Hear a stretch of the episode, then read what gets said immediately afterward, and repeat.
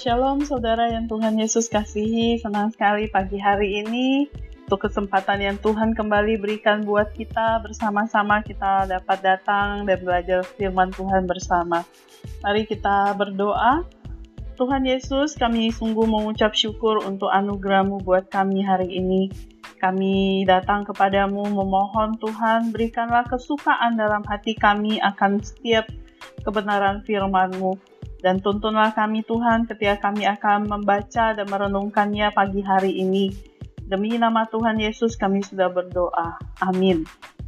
Saudara yang Tuhan Yesus kasihi, pembacaan firman Tuhan pada hari ini dari 1 Samuel pasal 16, ayatnya yang ke-6 hingga ayatnya yang ke-12.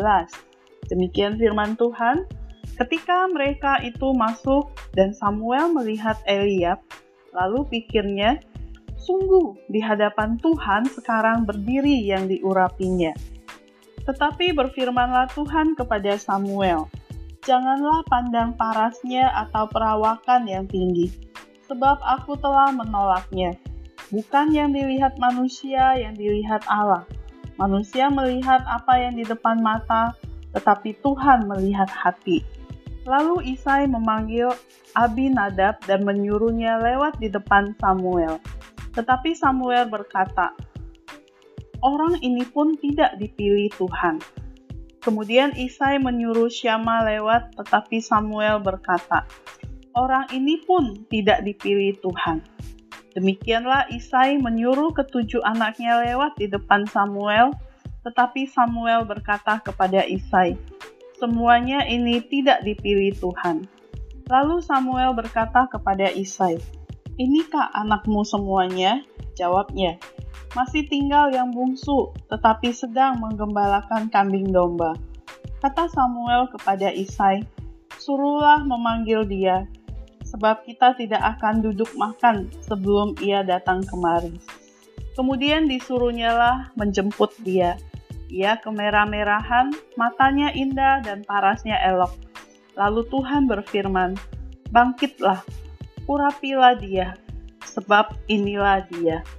Sampai sejauh demikian pembacaan firman Tuhan.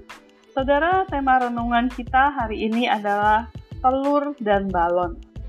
Seorang guru sekolah minggu meniup sebuah balon di depan kelas dan semua ingin mendapatkannya. Sang guru kemudian mengambil telur dari dalam tasnya dan bertanya, "Siapa yang memilih telur?" Semua memilih balon. Selain ukurannya besar, juga warnanya lebih menarik. Kecuali satu anak yang memilih telur. Tiba-tiba terdengar suara keras. Ternyata balonnya pecah.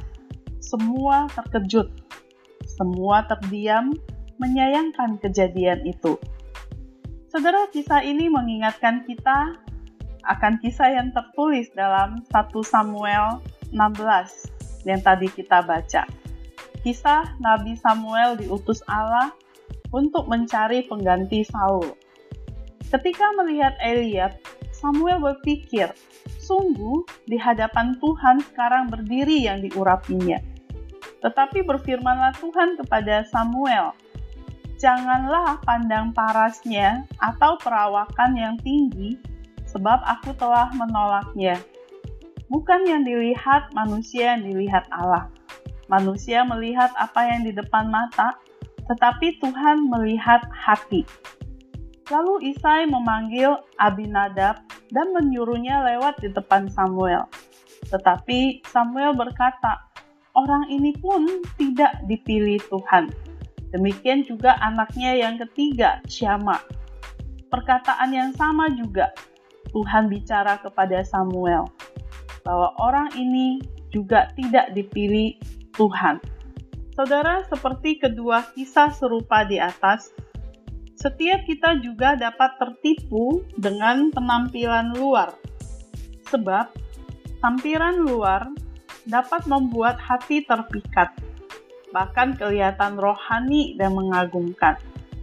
Kita lebih mudah untuk menunjukkan sikap hormat kepada orang yang tampilannya meyakinkan namun, tahukah kita, Tuhan tidak pernah kagum dengan penampilan luar kita.